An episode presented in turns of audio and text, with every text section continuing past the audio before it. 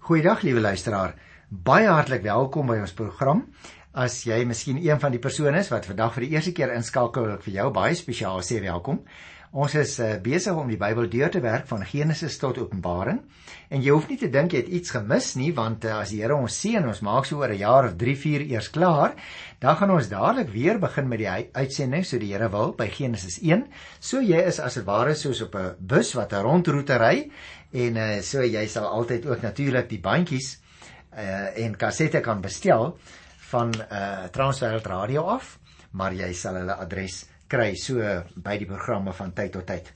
Liewe luisteraars, ek gaan vandag 'n groot hap afbyt want ek gaan 3 hoofstukke behandel. 1 Samuel 13 tot aan die einde van hoofstuk 15. Met ander woorde 13, 14 en 15. Jy mag sê nou broer Johan, hoekom doen jy so baie op een dag? Daar's 'n baie goeie rede voor. Die eerste rede is uh en ek dink dit is die belangrikste dat ons moet onthou die Here het vir 'n baie spesifieke rede ingewillig dat Israel 'n koning kon kry want hulle het 'n koning gevra en julle sal onthou Samuel wou eintlik nie gehad het hulle moet 'n koning kry nie maar hy het die Here gehoorsaam en die koning gesalf. Maar nou in hierdie gedeelte sal julle sien hoe dat Saul en Samuel twee keer bots. En die uiteinde daarvan was dat Saul aangesê is en ingelig is dat hy uiteindelik as koning verwerp gaan word. Ons het dus in die 14de hoofstuk 'n tussenspel waarin heelwat inligting gegee word oor al die oorwinnings van koning Saul. Maar dis 'n tussenstuk en daarom wil ek hê ons moet nou sien hoe dit daar eers konfrontasies begin plaasvind. Hoe dat in die 14de hoofstuk wat ek baie kortliks gaan doen, Saul al meer agteruit gegaan het in sy trou teenoor die Here. En hoe dat hy in die 15de hoofstuk dan uh, verwerp word as koning. Hoewel ons eers later van sy dood gaan lees, het hy nog vir 'n hele ruk koning gebly. Nou goed, kom ons begin dan dadelik met die 13de hoofstuk en ek gaan dit 'n bietjie uh kursories doen. Miskien net eers vir jou sê in hierdie afskeidsrede wat ons uh van Samuel gehad het in die vorige program in Hosea 12 het Samuel besondere klem laat val op die gehoorsaamheid van die volk en gehoorsaamheid aan die koning, maar ook het hy gesê dis baie belangrik die verhouding tussen profeet en koning. En dit het nou die vraag laat ontstaan of Saul bereid sou wees om hom as koning aan die profetiese toesig te onderwerp. En hierdie episode wat ek nou gaan behandel, neem nou hierdie hele saak op en dan skets dit die agteruitgang in terme van 'n breuk tussen die koningskap of as jy dit sou wil noem, die breuk tussen die staat en dan die profete amp. So as ek nou moderne terme mag gebruik en sê hier kom nou 'n verskil tussen die klem op die staat en die klem op die kerk. Die profetiese amp van die kerk mag nooit verwaarloos word nie. En dit is waaraan Saul hom uh, begin skuldig maak het en daarom is hy uiteindelik verwerp. Kom ek lees die eerste 4 verse van 1 Samuel by die 13de hoofstuk. Saul het 'n jaar of 2 as koning oor Israel regeer. Toe kies hy vir hom 3 afdelings uit Israel uit. Twee afdelings was by hom in Mikpas in die bergwêreld van Bethel. Een afdeling was by Jonathan in Gibea in Benjamin Saul het die res van die manskappe huis toe gestuur.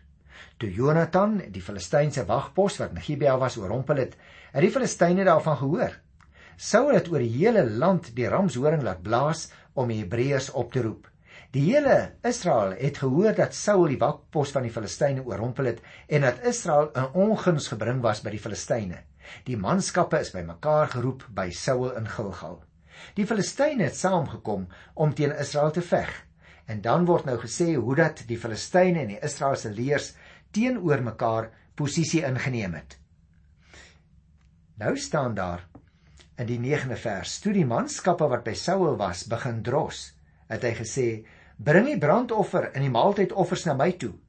Hy het toe self die brandoffer geoffer. Nou luister hier is nou die probleem waaroor die botsing gaan plaasvind. Hy, dit is nou koning Saul, het toe self die brandoffer geoffer. En toe gebeur dit. Sê die 10de vers. Net toe hy die brandoffer klaar verbrand het, kom Samuel daaraan. Saul het na hom toe uitgegaan om hom te groet.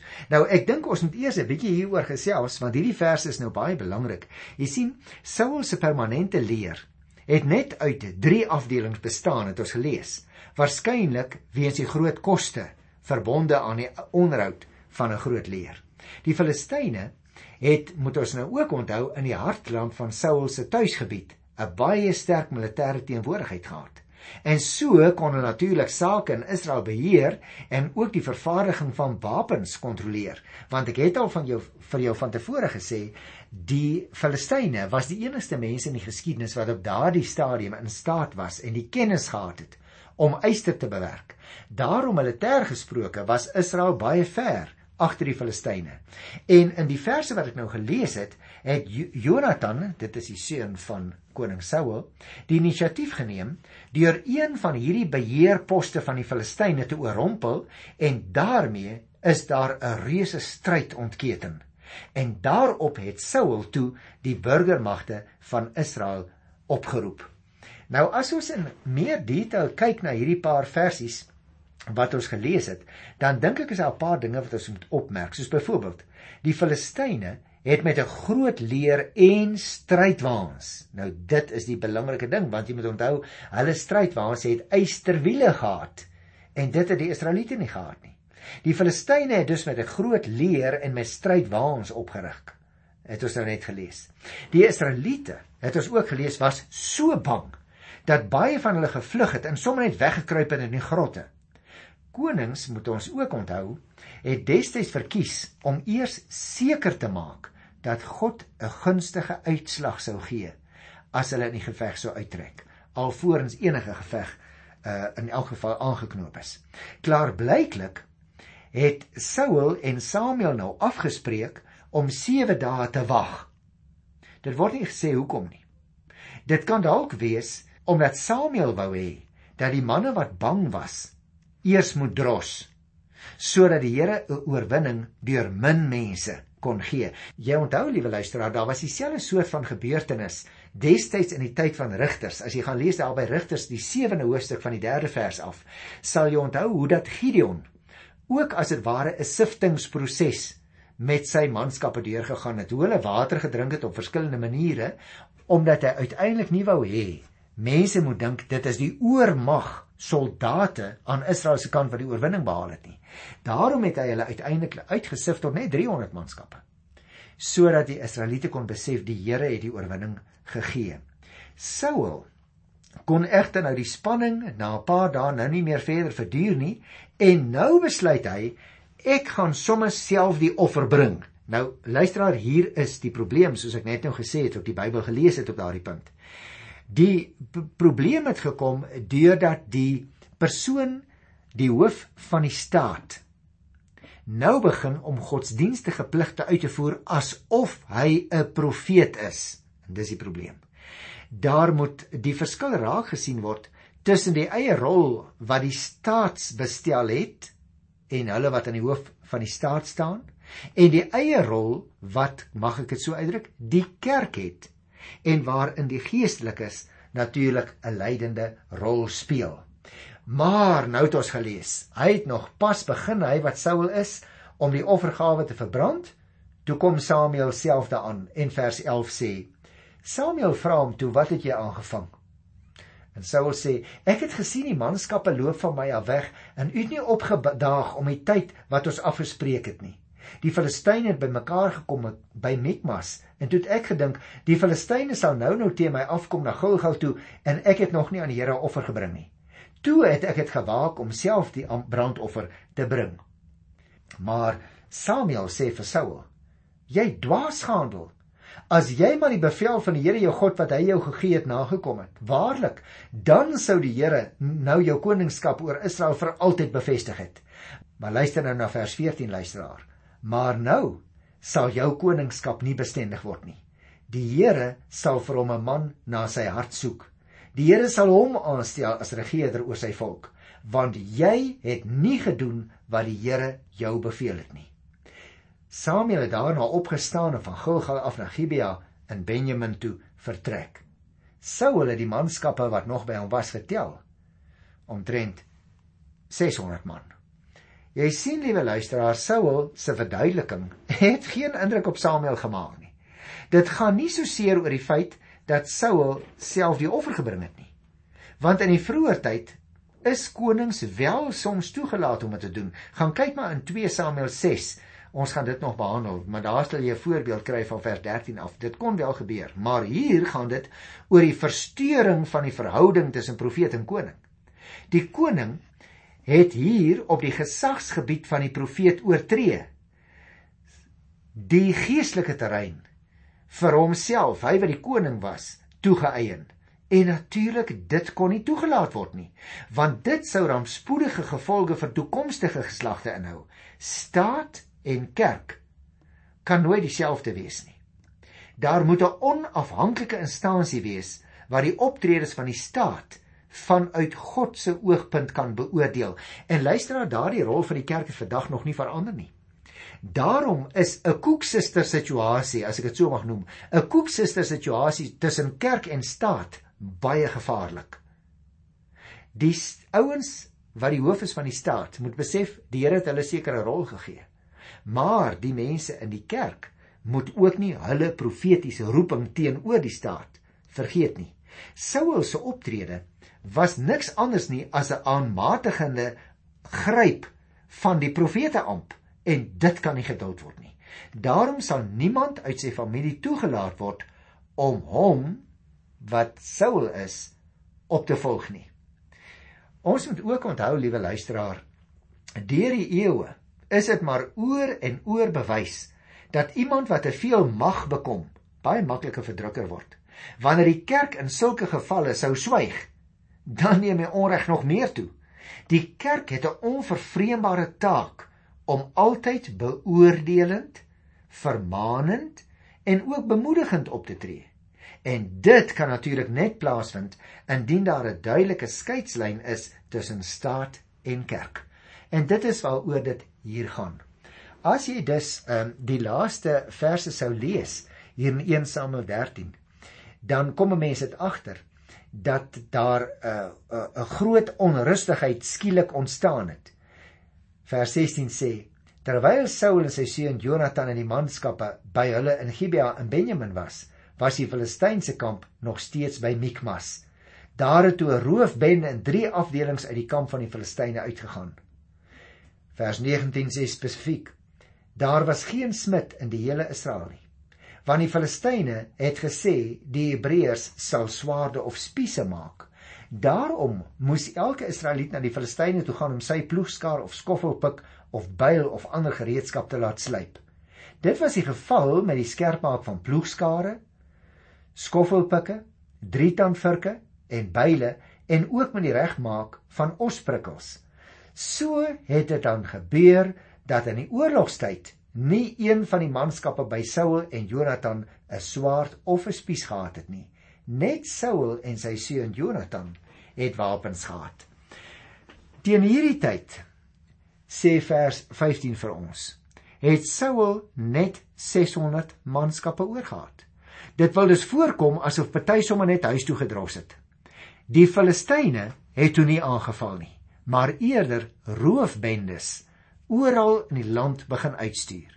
Saul was nou in 'n baie baie groot penarie, want bovendien het die Filistyne die eysternywerheid beheer, sodat wapens baie skaars was in Israel.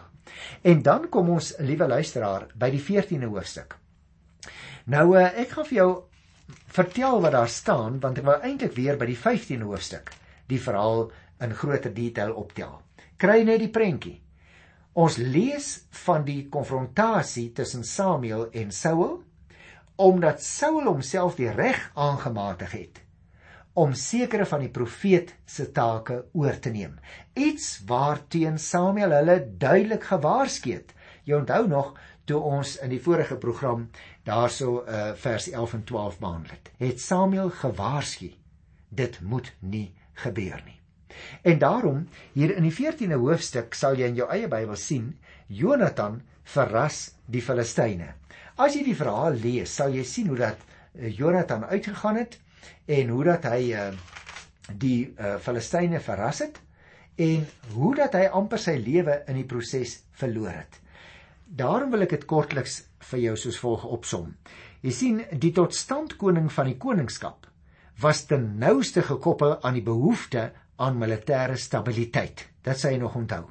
Want in die 8ste hoofstuk by vers 20 het die volk gesê: "Gee tog vir ons ook 'n koning, want as daar nou oorlog sou kom, dat ons nie 'n leier nie."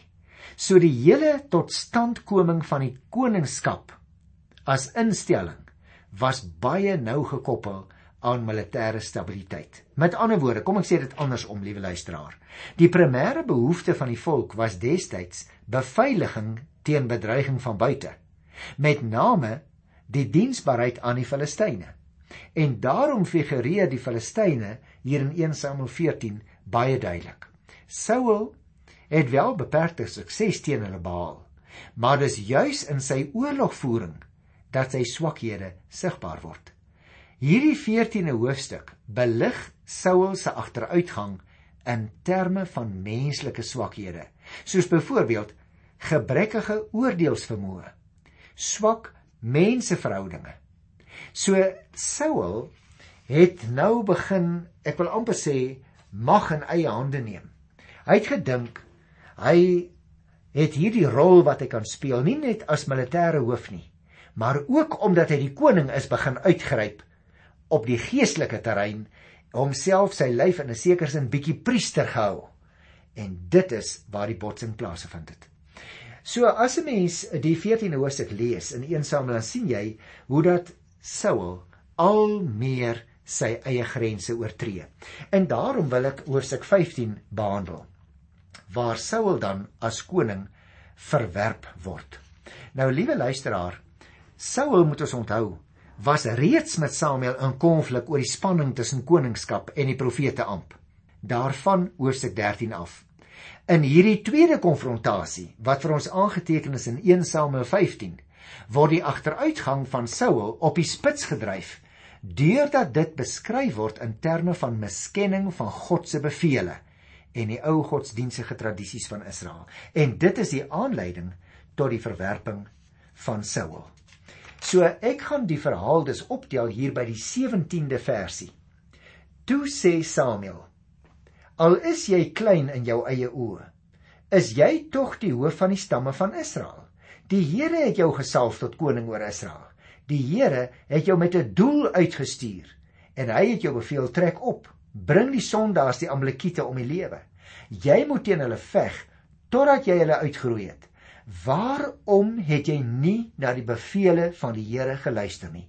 En waarom het jy jou aan die buit vergryp en hierdie ding gedoen wat verkeerd is in die oë van die Here? Saul antwoord toe vir Samuel: "Maar ek het na die bevel van die Here geluister. Ek het gegaan om te doen waarvoor die Here my gestuur het. Ek het vir koning Agag van Amalek hierheen gebring, maar die Amalekiete het ek om die lewe gebring." Die manskappe, kyk nou hoe skuile agter manskappe. Die manskappe het egter uit die buit kleinvee en beeste gevat, die beste van die wat van kant gemaak moes word om aan die Here u God in Gilgal te offer. Luister nou, hoor jy nou hoe praat hy? Nou praat hy Saul skielik met Samuel en hy verwys na u God. Dit is asof hy soos ou Adam uh wil wegkruip. Toe daar nou in die naam van die Here by monde van Samuel met hom gepraat word oor sy ontrou. Nou luister hierdie wonderlike woorde hier in vers 22. Maar Samuel antwoord: Is brandoffers en ander diereoffers net so aanneemlik vir die Here as gehoorsaamheid aan sy bevel? Nou, uh, liewe luisteraar, as ons kyk na hierdie verse en uh, wat gebeur het in Hosea 15, dan sien ons die Here Samuel van al die gebeure vertel wat Saul gedoen het en hoe ontrou hy was. Mense kry selfs daar in vers 10 en 11 die woord bedroef wat gebruik word. En met hierdie uitdrukking word gesê dat God nie die mens se lot so deterministies bepaal dat die mens niks daaraan kan doen nie. Die mens, jy en ek, is as 'n vrye verantwoordelike wese geskape wat self moet kies om binne die ruimte wat die Here vir ons gee te beweeg. God gee dan ook aan die mens moontlikhede. Maar jy en ek moet self besluit wat ons met daardie moontlikhede maak. En so kom daar 'n verhouding tussen God en mens tot stand waar liefde en vertroue 'n rol speel. Maar liewe luisteraar, so word daar ook van die mens verantwoordelikheid geëis. En het hy die behoefte van verlossing in Jesus Christus. En daarom is hierdie hoofstuk so belangrik. Hoe dat ons sien hoe dat reeds in die Ou Testament hierdie koning wat die wonderlike geleentheid van die Here ontvang het, hoe dat hy ontrou word en afdwaal. Daarom, hier van die 17de vers af wat ek gelees het, wys Samuel vir Saul daarop dat hy as koning oor Israel gesalf is en dus bepaalde verantwoordelikhede dra, net soos jy en ek. Hy is byvoorbeeld vir 'n bepaalde doel gestuur met besliste opdragte, maar hy was ongehoorsaam. Wanneer Saul nou gaan volhou met sy verskoning dat die vee vir offerdoeleindes gebruik is, maak Samuel 'n uitspraak wat deur die eeue heen weer klink. Daar in vers 22. Is brandoffers en ander diereoffers net so aanneemlik vir die Here as gehoorsaamheid aan sy bevele? Nee. Gehoorsaamheid is beter as offerande. Liewe luisteraar, dit is 'n ongelooflik belangrike uitspraak. Ons natuurlik moet onthou, gehoorsaamheid is die weerspieëling van so 'n innerlike gesindheid. Die gevolg van 'n intieme verhouding omdat dit nie iets is wat geoffer is nie, maar diself is wat die Here vra. Ek onderwerp my aan die Here wanneer ek doen wat hy sê, nie offerandes bring nie, maar wanneer my gesindheid reg is en ek die Here dien. En daarom, liewe luisteraar, as jy vers 24 tot 31 die laaste gedeelte van 1 Samuel uh lees hierso die uh die 15de hoofstuk dan sal jy baie duidelik sien hoe dat hierdie punt gedruk word. Saul se mag ek dit so uitdruk. Saul se ek het gesondig wat hy daar sê in die 24ste vers. Ek het gesondig. Uh is geen berouvolle skuldbeleidnis nie. Maar dit is 'n verontskuldiging wat hy doen. Hy wil nie sonder Samuel die offer bring nie, omdat hy bang is hy sal die agting van die manskappe verloor. Wanneer Samuel wegdraai, gryp Saul na sy mantel en hy skeur dit. Samuel gebruik dit juis as 'n beeld. Hy sê vir hom: "Luister Saul, net so soos wat die kleed vandag geskeur het, net so het die Here die koningskap van jou afgeskeur en dit aan iemand anders gegee. Ek lees dit vir jou in vers 33. Soos jou swaard vrouens en kinders doodgemaak het, so sal jou ma onder die vrouens kinderloos wees. En Samuel het vir Agag in stukke gekap voor die Here in Gilgal. Samuel het toe na Rama toe gegaan terwyl Saul na sy huis toe gegaan het in Gibea. Tot die dag, luister nou mooi na hierdie opmerking. Tot die dag van sy dood het Samuel nie weer vir Saul gesien nie. Samuel het oor Saul getreur en die Here was bedroef daaroor dat hy vir Saul die koning oor Israel gemaak het. Jy sien liewe luisteraar wat Saul dus ongedaan gemaak het. Dit voltooi Samuel eintlik. Eie handig voltrek hy die banvloek opdrag deur Agag dood te maak. Maar die breuk tussen hom en Saul was onherroepelik. Hy gaan terug huis toe om Saul nooit weer te sien nie.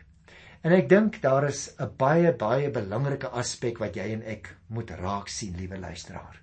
Dit help nie ons hou onsself godsdienstig en vroom as ons gesindheid is om nie die Here te dien nie.